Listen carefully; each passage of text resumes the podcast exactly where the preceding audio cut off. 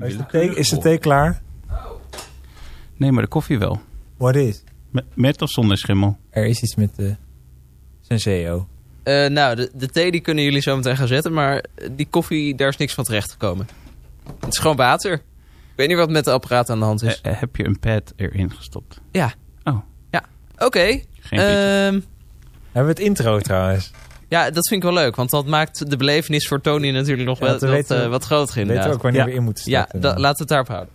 Start het intro. De Goor dat zie je niet vaak podcast. Met Dominique Bosman en Sander Klootwijk. Met deze week de gast Tony van Veen.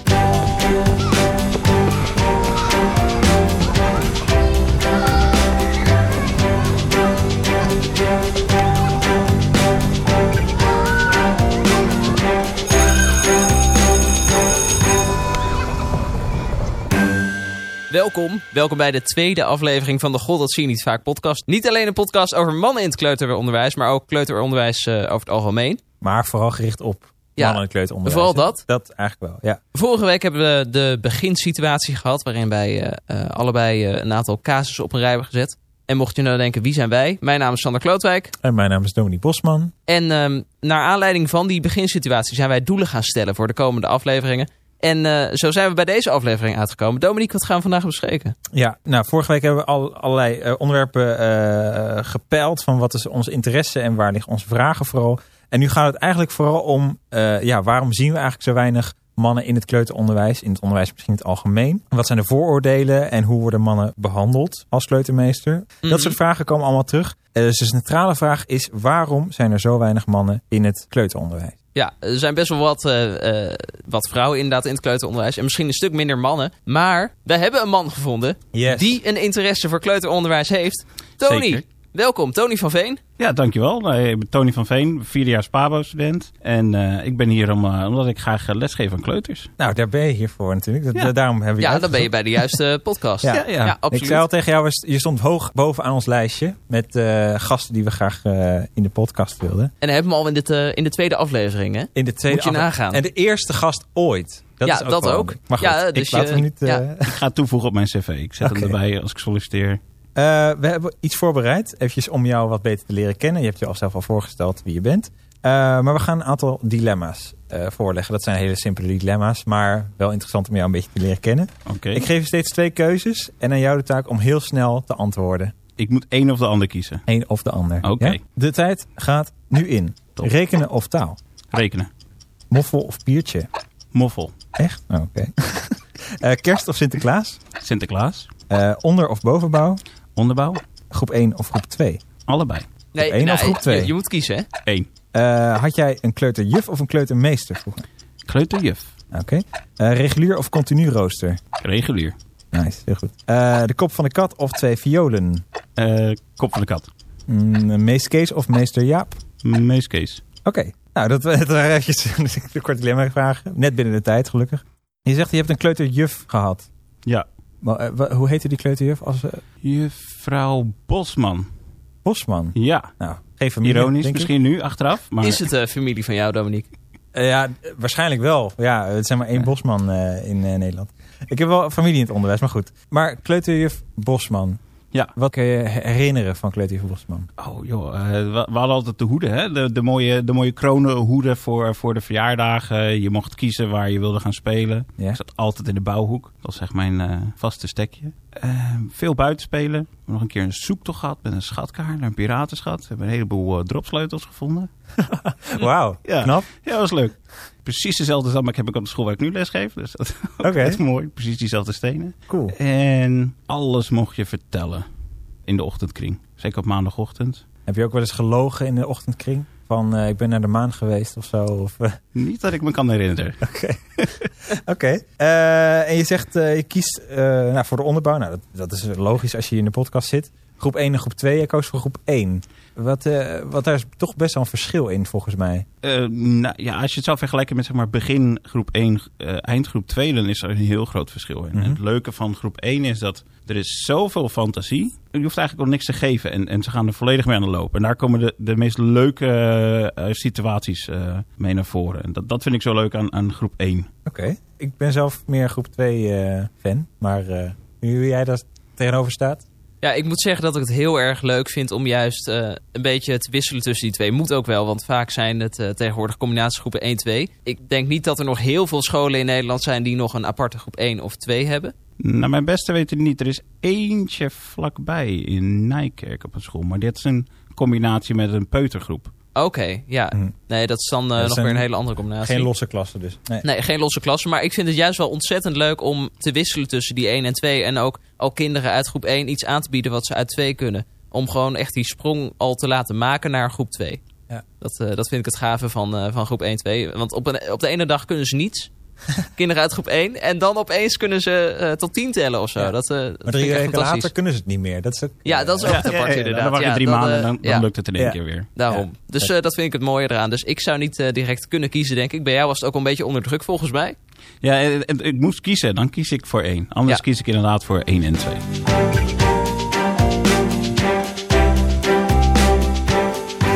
Eh, ik stel voor dat we doorgaan naar eh, de actualiteit.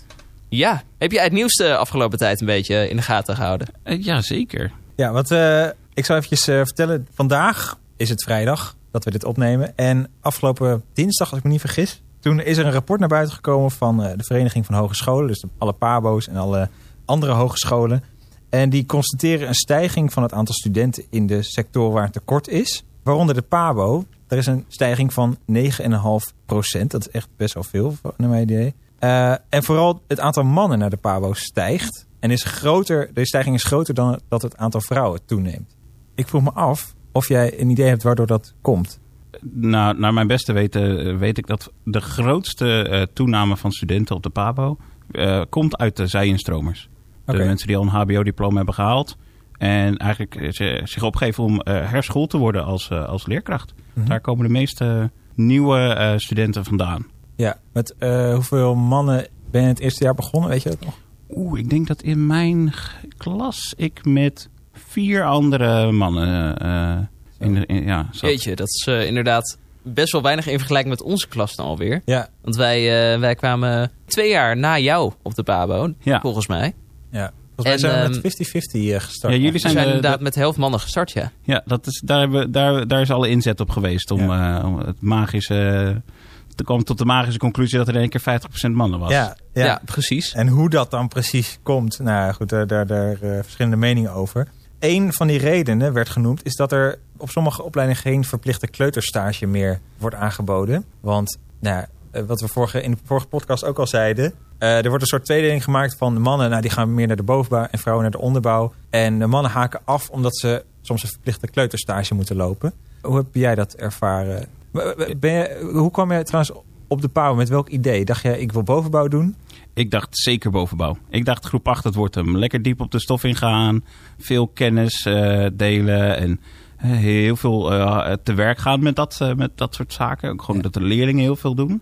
En eh, toen ging ik een kleuterstage doen. Die heb ik gedaan voor mijn groep 8 stage. En ik vond het ontzettend leuk. Eh, gewoon eh, alles wat je kan doen. Er is zoveel fantasie. Alles is mogelijk. Je kunt het gewoon verzinnen en het wordt gedaan.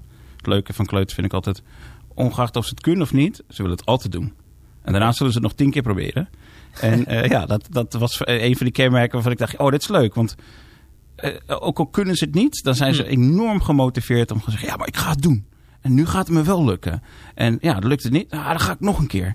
Eh, terwijl het bij groep 8 stage was echt... eh, dat ik dacht, oh nee, dit, eh, groep 8 eh, wordt hem niet.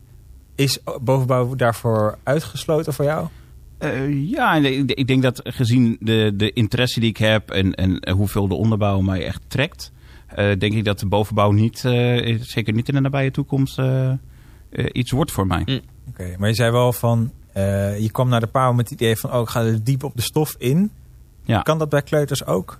In, in, op de eigen wijze kun je dieper op de stof ingaan. Maar als je dat vergelijkt met groep 8, dan ben je natuurlijk gewoon het oppervlakte aan het raken. Ja, dat is waar. ja, nou, ik moet wel zeggen, ik heb zelf een, keer een kleuterstage gelopen in jaar 1. En eh, ik kwam uit de groep 5 eh, stage. En ik merkte, ik schatte die kinderen in de kleuterklas veel te hoog in.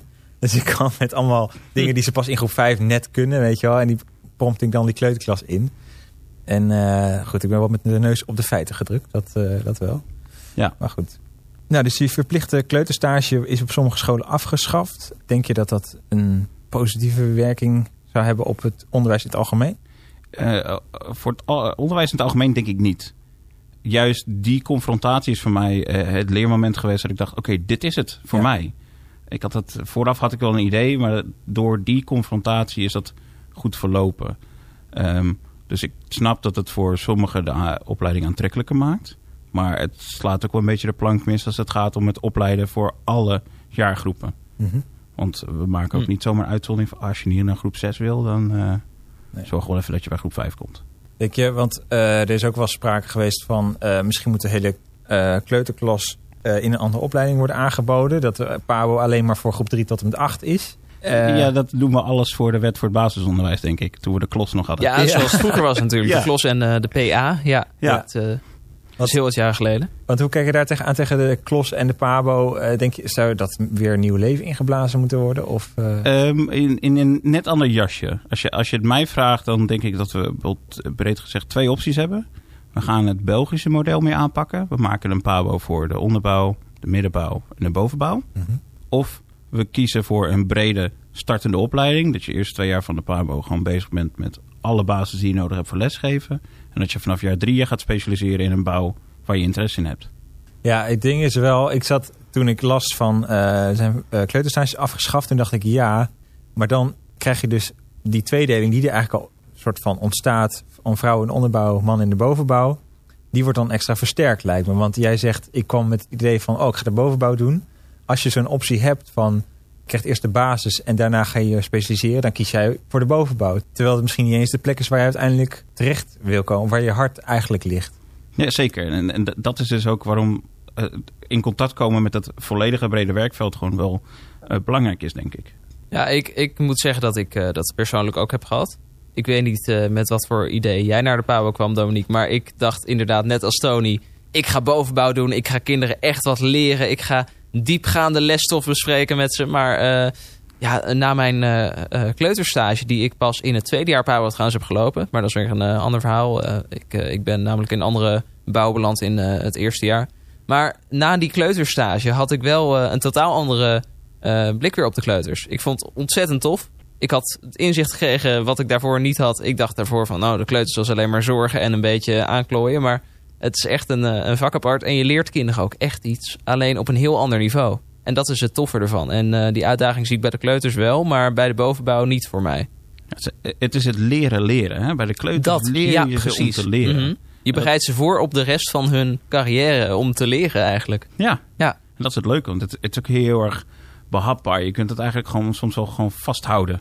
Mm. Dat je ziet wat er gebeurt in de ontwikkeling is. De ene dag kunnen ze iets niet. En het lijkt uh, bijna een magische gebeurtenis dat de volgende dag ze het wel gewoon kunnen. En dat, maakt het zo leuk. Hè? Dat behapbare. Het, je kunt het bijna vastgrijpen wat, uh, wat, uh, wat ze leren.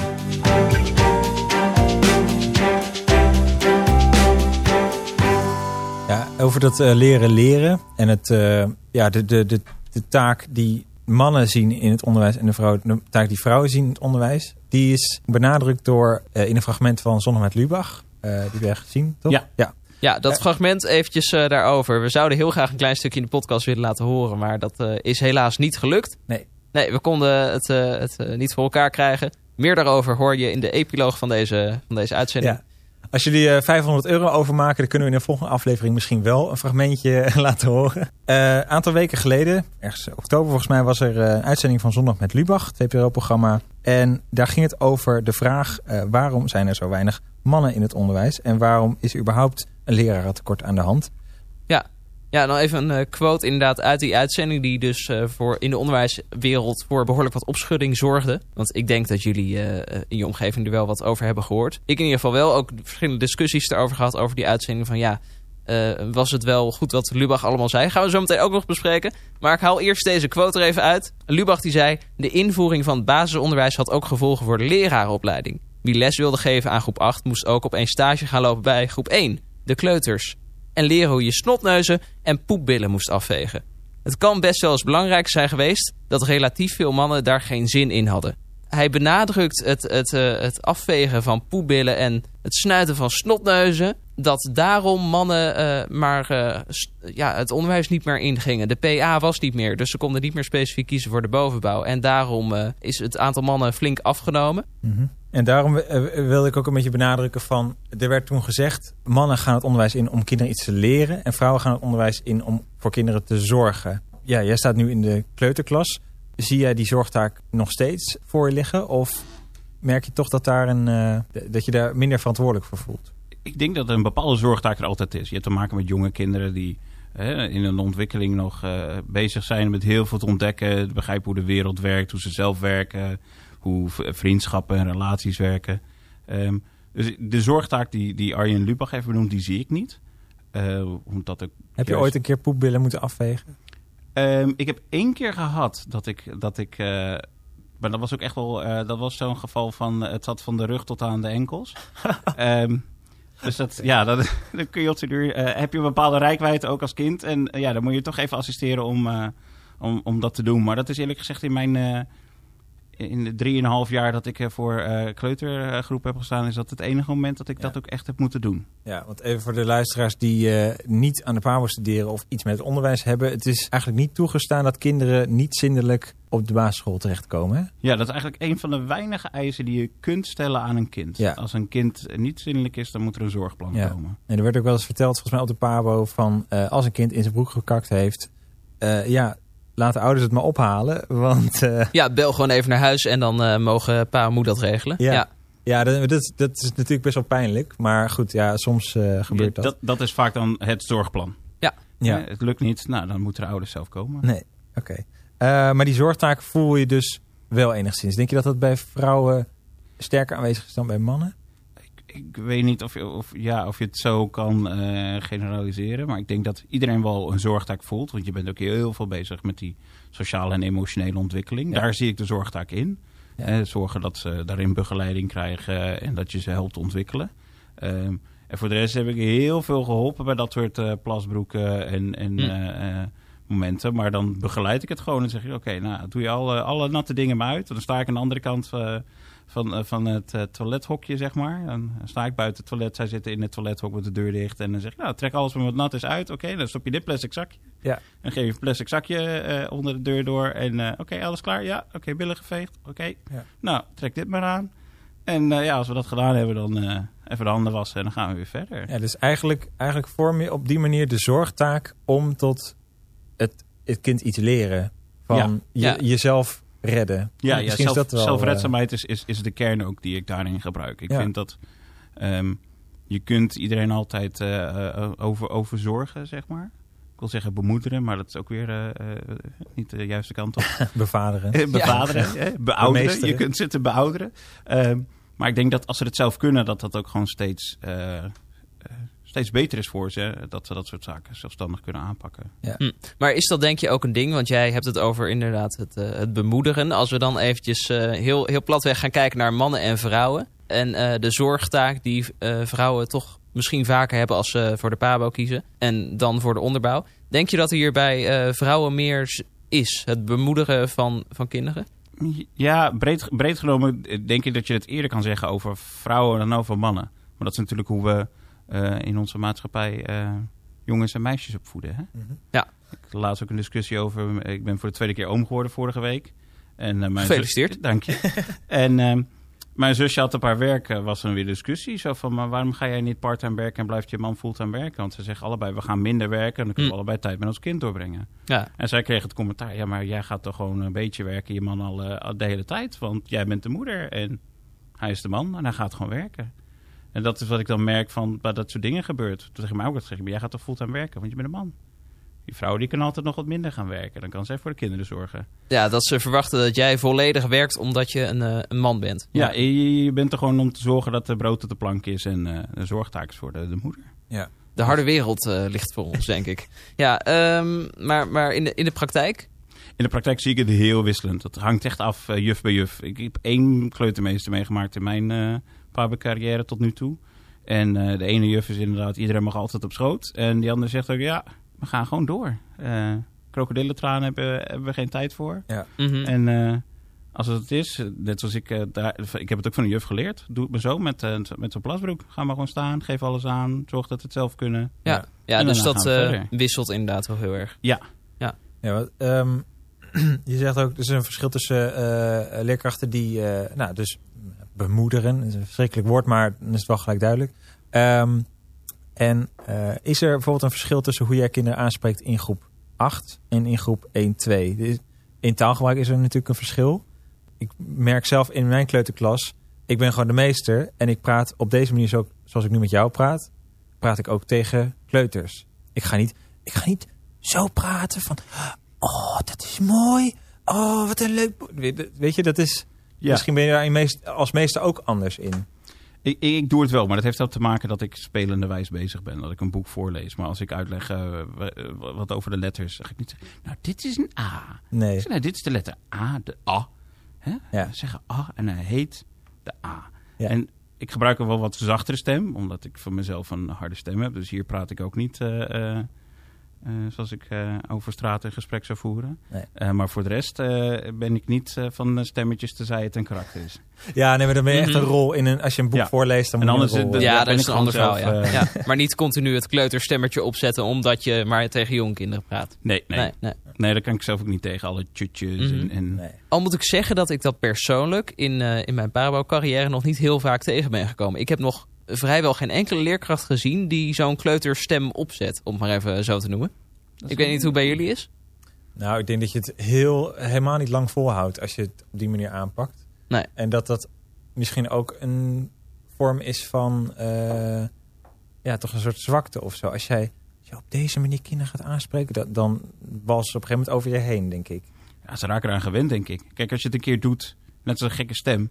Ja, nou gaan we allemaal zitten. En dan heb je dus de eerste keer te pakken. Maar ja, na drie keer hebben ze ook zoiets van... Ja, de, de Nee, dan werkt het ook niet meer. Nee, dan meester Ja, schiet niet op. Ja, maar dan denk ik dat het te maken heeft Ja. met het serieus nemen van de kinderen. Mhm. Als, jij, als je zo praat, dan denken ze, ja, eh, nou, dan denken ze het niet. Maar ik ga ervan uit dat ze zich niet heel serieus genomen voelen. Je behandelt ik- ze dan alsof ze debiel zijn of zo. Ja, als ik, Dat als ik tegen de juf dan. dezelfde toon spreek als tegen een kleuter, dan, dan is er een soort gelijkwaardigheid. Ja. Eh, en ik denk dat die voor kinderen, vooral in de oudere klassen, of de hogere klassen, dat, die, eh, dat dat serieus nemen steeds belangrijker wordt. Ja. Mhm. Maar ja, maar een kleuter moet je ook serieus nemen. Ja, daarom. En dat gebeurt niet als je, als je zo tegen gaat praten. Nee, Dat nee ja. lijkt me niet. En als we even naar buiten wandelen. Niet letterlijk, maar wel figuurlijk. Stel je voor, de kleuters gaan buiten spelen. ja. En er gebeurt iets op het schoolplein. Ehm, ik noem maar wat. Kinderen die, eh, die zijn eh, aan het stoeien. Hoe reageer jij? Nou, eh, ik ga niet stoeien gelijk opbreken. Maar als het een situatie is, ik weet, oh, jullie zijn er weer. En als ik het zeg, ga je uit elkaar. Dan eh, roep ik eh, gewoon vanaf de andere kant eh, van het plein. Hm. Zeg gewoon, jij, jij, uit elkaar. En dan Ja. is er verder. En heb jij een, eh, een praktijkopleider wel eens anders zien reageren? Ja, de, de, de, de, de- het bemoederende dan. Oh, nee, dat moet je niet doen, hè, want dan kunnen we pijn krijgen. En dat Ja. is niet fijn. Ik denk, jongens, jullie weten het zelf ook. De- ze komen dan vaak genoeg wel bij je lang en zeggen... ja, hij sloeg mij. Ik dacht, ja, maar ik zag hem er net ervoor slaan. Dus we gaan even kijken wat hier, eh, Mhm. Ja. wat hier echt is.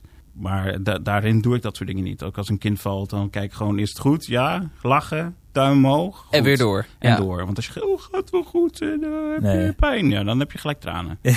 Dat, eh, Ja. Nou, ik merk wel, ik heb eh, eh, vier eh, praktijkopleiders. Dus de, de juffen die mij opgeleid hebben in de stage.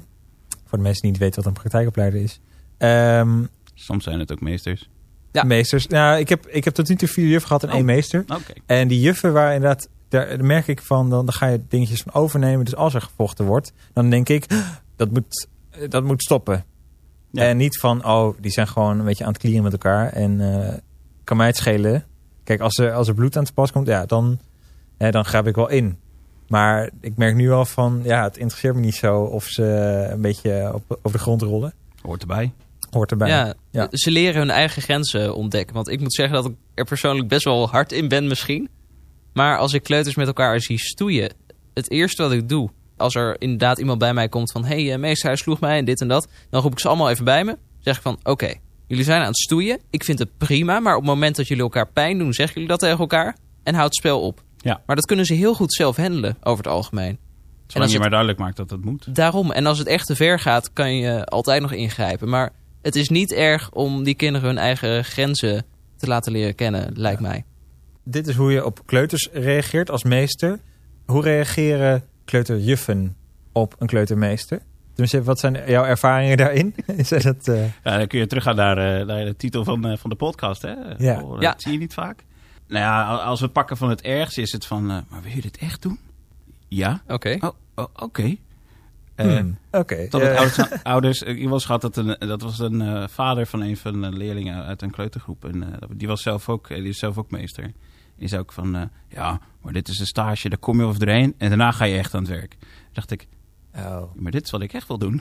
en aan de andere kant zegt ze, Ja. oh joh, vet tof. Ik heb altijd weer eh, een mannelijke collega willen hebben. En dan eh, vinden ze het leuk en dan gaan ze gelijk met je in gesprek over de dingen die ze dan niet vinden in hun collega's op dat moment. Dus dat, Hmm. het is Beetje wisselende reacties. een beetje wisselende Ja. reacties. Veel zijn positief. eh, en anders kijken ze een beetje stereotyp naar je. En denken ze, ja, maar jij bent een man. En ja, je ziet het niet eh, Ja. eh, eh, via, via het geluid. Maar ik heb ook nog eens een, Hm. een baard. En ik ben een lange kerel. Dus het is nou niet... Je hoort in de bovenbouw. Ja, ja, ja. Mensen zeggen, joh, maar jij werkt toch eh, met jeugdhulp? Of, dat je Ja. probleemjongeren eh, van straat helpt? Eh, nee, ik geef les aan kleuters. ja. Ja, dat, er staat toch een bepaald eh stereotyp Ja. beeld bij. Mhm. Ik moet wel zeggen, de eerste keer dat ik jou ontmoette, ik, het zal, ik weet niet hoe lang dat geleden is, maar dat ik toch eventjes moest schakelen toen je zei dat je een kleutermeester wilde worden. Dat ik dacht, hè, oh, maar dat, ja, dat past inderdaad niet in het beeld wat ik dan heb. Ja, Ehm, net als dat ik zelf graag voor de kleuter sta en dat was ik ook helemaal niet eh, op voorbereid. Maar goed. Even in, eh, zou je in één zin kunnen omschrijven? Wat denk je dat mannen in het kleuteronderwijs toevoegen? Dus niet van eh, wat zouden de juffen ook kunnen toevoegen, maar wat, zouden, wat is specifiek voor mannen? Wat zouden zij toe kunnen voegen? een mannelijk rolmodel. Elk kind heeft ook mannelijke rolmodellen nodig. Zeker op de basisschool, waar je vaak geen meester hebt, of misschien één meester ergens in de bovenbouw, is zo'n mannelijk rolmodel, zeker voor jonge kinderen, ook ontzettend belangrijk. Dat ze begrijpen dat alles kan. Het maakt niet uit of je een jongen of meisje bent. We kunnen allemaal astronaut worden als we dat willen, of politieagent, of brandweerman, juf of meester. Ik denk dat dat de grootste eh, bijdrage is voor echt specifiek mannen. Dat gewoon laten zien van alles kan. Hm. En alles mag. Want het is niet voor niets dat ik heel vaak juf word genoemd. Want ze hebben nooit dat. Ze hebben nooit meegemaakt dat er ook een Mhm. mannelijke versie Ja. is van een juf.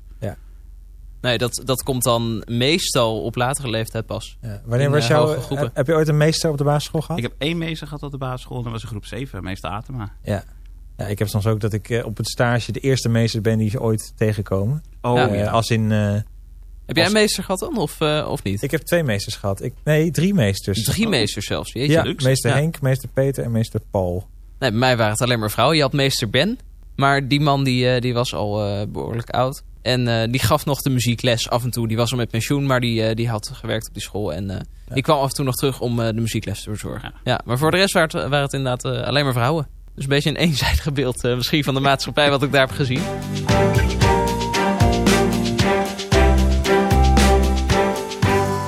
En Tony, je had zelf ook nog eh, dingetjes opgeschreven. Ja, Zou ik je het ergens over willen hebben? Eh, de onderwijsadviesraad heeft ehm laatst augustus een brief uitgebracht. Mhm. Eh nou, minister Slop heeft dat eigenlijk gedaan. Ja. eh, om te zeggen van nou, dit zijn middelen die we kunnen inzetten om, eh, om het leerkrachtentekort in het basisonderwijs op te lossen. En een van de dingen die hij genoemd heeft is om regionale opleidingscentra te maken waarbij iedereen voor het primair, voortgezet of het middelbaar, voor, voor het mbo, ehm, samen op te leiden in één plek. Zodat de concurrentie weggehaald kan worden tussen opleidingen en zodat alle middelen samen worden gezet. Ja. Dat sluit een beetje aan wat ze dan bij... eh, Oké, dus het idee is eigenlijk een beetje om eh, in plaats van alle commerciële gatje toe aan Pabo die er nu is, samen te vatten tot één publieke opleiding. Of, Ja, ja, gewoon per regio. Ik weet niet of Ja. we dat per provincie willen doen of kijken waar zitten de pabo's en dan gooien we elke paar pabo's bij elkaar. Ja, en PO en VO bij elkaar. Ja. Eh, nou, dan ga ik er toch even over door. Want er stond dus die verplichte kleuterstage bij sommigen afgeschaft. Dus zeiden we al van, daarmee speel je misschien in de kaart dat er nog minder mannen in het kleuteronderwijs terechtkomen. Met zo'n teachers college lijkt me dat nog groter. Want dan wordt het nog verder eh, in een hoekje gedrukt misschien. Van, eh, Dat, dat zou kunnen. dat ze zelfs kant- nog voor het VO kiezen in plaats van voor de bovenbouw. Of voor de... Ja. dat je al direct die richting kiest, bedoel je? Nou, dat, dat mensen naar die school gaan met het idee van... eh, oh, ik, eh, eh, ik ga voor het VO staan. Met dat idee. Mhm. En dat die kleuterstage helemaal niet meer eh, aan bod komt. Nee, dan zou je inderdaad moeten opletten dat het, het contact met het werkveld nog steeds goed verloopt. Ja. Eh, maar ik weet niet hoe dat bij het Teachers College wordt geregeld. Dus dat is echt een vraag Want dat is wel van heel belang van wa- wat je zegt. Hoe loopt het contact eh, met het werkveld, waardoor je dus die keuze kunt maken. En als Ja. dat er niet is, waarom ik ook zeg, die kleuterstage moet je er gewoon inhouden. Misschien niet dan in het eerste jaar. Hmm. Zodat je dat contact kan hebben, zodat je die ervaring kan opdoen en kan gaan kijken wat zit er voor je in. Ja, of misschien de, de open mind eh, in, op een pabo wat stimuleren. Want, dat je, want ja, iedereen komt met een idee naar de pabo van... oh, ik ga bovenwonen, oh, ik ga onderbouw doen. Maar dat je vanaf het begin van de opleiding kunt zeggen... oh, wacht even, dit, zeg je nu wel. Maar er zijn heel veel voorbeelden. Volgens mij zijn we allemaal, alle drie een voorbeeld daarvan. Denken bovenbouw en komen in onderbouw terecht. Ik heb, ik heb daar nog recent gesprek over gehad met eh, docenten van de, van de PABO en bijvoorbeeld ook van het seminarium voor orthopedagogiek. Ja. Die doen de Master Educational Needs. Dus eh, als je echt verder wil gaan, of veel mensen die in het eh, speciaal onderwijs eh, lesgeven. Ja. En die zeggen ook, het merendeel van de leerkrachten blijven bij drie jaren hangen. Drie jaargroepen waar ze ongeveer les aan geven. En doen, oké. Denk aan zes, zeven, acht. Dus dat ze helemaal niks doen met die andere vijf. Het grootste gedeelte. Eh, en daar alleen maar mee bezighouden. Ja. Met, met het idee wat ze al hadden. Zo van, ik ga dit Hm. doen. En dan blijven ze er een beetje in rondhangen. En je wil ook een beetje afwisseling. Dus Ja. als je elke keer acht hebt gedaan, die ook keer zeven. Dan denk je, ja, ik wil zes proberen. Maar daar blijft het voor de meeste bij. Ja, dan snap ik het, dat Belgische model wat jij zei van 1, 2, 3. Ja, onderbouw, middenbouw, bovenbouw. Ja. Ja, want het specialiseren komt uiteindelijk toch wel weer terug in welke vorm dan ook. Ja. Ik bedoel, elke leerkracht, denk ik, na de PABO, die heeft wel een, eh, een favoriete doelgroep. Een aantal klassen die eh, hij of zij eh, les wil gaan geven. Ja, het mooie is, het Belgische model is, je doet eh, die eerste opleiding doe je in drie jaar. En daarna kun je gewoon nog een post-HBO volgen. En dan, Ja, met de BACO en de. BALO eh, is dat volgens mij, hè? ja, Dus eh, dat je kiest voor het, daar is nog eh splitst ook. Het kleuteronderwijs en het lager onderwijs, net als hier was. Dus je kiest ehm, na één of twee jaar. ja, dat weet ik zo even niet meer mijn hoofd. Maar ik weet gewoon, je kiest voor één. En als je de rest ook nog Ja, dan wil, kies je of voor kleuteronderwijs of lager onderwijs. En je kan eventueel nog door. Ja, Ja. Dat, is het, eh, dat is wel mooi geregeld daar. Ja. Er is heel veel gezegd volgens mij. In deze aflevering heel veel punten gemaakt, heel veel eh, voorbij gekomen. Maar ehm, ik wil toch nog even teruggrijpen op die centrale vraag die jij stelde in het begin, Dominique. Ja. En ehm, dat was, waarom zijn er zo weinig mannen in het onderwijs? Want dat is een feit, dat zijn de statistieken. Dat eh, wordt gewoon aangetoond. Er zijn een stuk eh, meer vrouwen in verhouding. Waarom zijn er zo weinig mannen? Hebben we daar een beetje antwoord op gekregen? Want er is heel veel besproken over, eh, ehm, over dat er toch wel een stijging weer is. En dat de reactie op mannen in het onderwijs, en dan met name kleuteronderwijs, toch wel een beetje eh, toch altijd vreemd blijft. Van hé, hey, het, het hoort niet helemaal. Of het is, eh, ja oké, het, het hoort niet, maar het is toch wel tof. ja. Maar waarom zijn er nou zo weinig mannen in het, eh, in het eh, onderwijs? In het kleuteronderwijs. In het kleuteronderwijs inderdaad. Ja, als ik er iets over mag zeggen, volgens mij is het gewoon nog steeds het vooroordeel wat er bestaat. Ik denk Want- dat dat vooral is. Mannen voelen zich niet aangesproken om bij de kleuters te staan, omdat ze altijd een kleuterjuf hebben gehad. Ja, je hebt dat voorbeeld nooit eh, ervaren. Nee, En eh, ook inderdaad, denk ik, de mindset die mannen en vrouwen, eh, weer even heel platweg gezegd, hebben voordat ze naar de PABO komen. Hè, vrouwen die hebben de zorgtaak die ze willen gaan uitvoeren. En mannen die willen kennisoverdracht. Het geschiedenisvoorbeeld. Ik wil inhoudelijke geschiedenislessen geven, dus kies ik voor bovenbouw. Ja, en, en het stukje wat ik ook zei is, wat, wat wordt er traditioneel van jou verwacht? Ja. Je bent een man. Het- Ja, het onderwijs betaalt niet eh eh, denderend eh, op dat manier. En je hebt ook niet veel kans om door te groeien. Dus dat laat ook weer weinig keuzes als je de, de, de hoofdbroodwinner bent om, eh, om erin te blijven. Hè? Dan begin je wel, maar dan denk je op de duur ben je directeur of eh, ga je methodes ontwikkelen. dat kan nog altijd. Maar volgens mij zijn we er nog niet daarvoor gezwicht eh, voor het lage inkomen van een onderwijzer. Nee, daar blijven we voor vechten. Gewoon gelijk met het, eh, eh, met het eh, secundair onderwijs. Precies.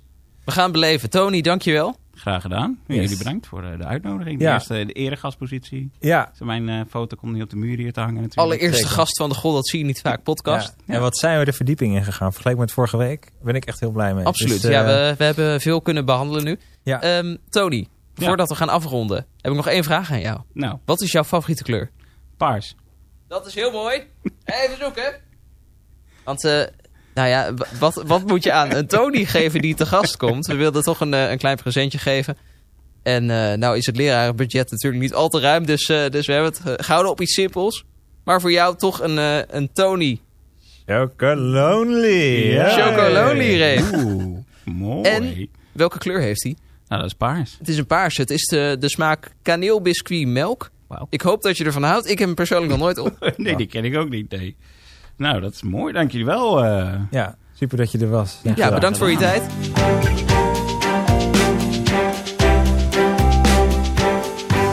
Ehm, wie hier volgende keer zit, dat is nog niet 100% zeker. Maar eh, we, gaan, eh, we zijn druk bezig met het regelen van de volgende gast. Dat is Vincent, voor jou ook wel bekend. Vincent de Wit. De Wit, ja, dat is eh oud student. En dan gaan we het hebben over rituelen in de kleuterklas. Want dat is ook een ding. In de kleuterklas zijn ongelooflijk veel eh, maniertjes, eh, regeltjes, eh, ritueeltjes. Dingetjes. Dingetjes, voor de kindjes. Ja. Sorry, ik eh, trapte er zelf weer in. En daar hebben we het in de eerste podcast ook over gehad. Dus wil je weten wat we gaan bespreken, luister die vooral eventjes terug.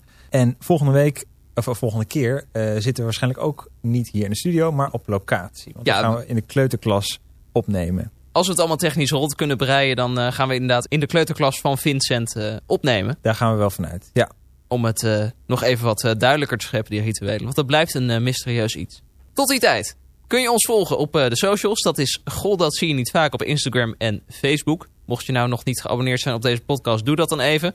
Je vindt hem op alle plekken eigenlijk ja wel, we hè? zitten tegenwoordig Ja. op alle platformen. Dus dat is. Spotify, iTunes, Soundcloud. Soundcloud En je favoriete podcast. podcast-app. Ja.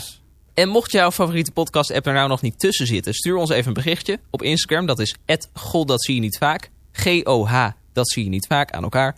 En dan zorgen wij dat eh, de podcast ook op dat platform verschijnt. Want we willen zo eh, gedifferentieerd en eh, toegankelijk mogelijk blijven natuurlijk. Hè? Zeker. Ja, net als bij de kleuters. Tony, bedankt voor je bezoek. En ja, de luisteraar, bedankt voor het luisteren. Wij gaan weer thee drinken.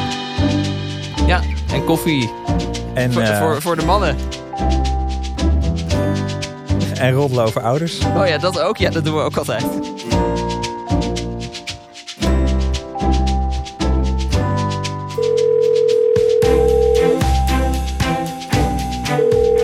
Ik spreek met eh, van eh Beeld en Geluid. Hallo, eh, we spreken met Dominique Bosman en eh Sander Klootwijk van de eh Pabo in Amersfoort. Ehm. We zijn bezig met het opnemen van een podcast over kleuteronderwijs, over mannen in het kleuteronderwijs. En we zouden graag een fragmentje willen gebruiken uit eh, het programma Zondag met Lubach van de VPRO. En Ja, we het, is, een- het is een podcast, hè, zei je? ja, dat klopt. Ja, wat ik eh, zou doen is, als je een podcast maakt, zou ik doen... Oeh, het is een beetje lastig. Ja, op veel bureau eigenlijk wat is het zo'n 500, 500 euro kwijt. Dan doe je het eigenlijk illegaal, zeg maar. Of... Ja, Als het dan 500 euro moet kosten, dan is het eh, niet heel realistisch voor ons in ieder geval. Ja, dan, dan verwijs je of zo niet. Ja, nee, dat gaan we dan doen. Dat is prima. Is goed, hey, in ieder geval succes. Dankjewel. Oké, joe. Tot ziens. Eh, nou, dat wordt dus eh, verwijzen bij deze.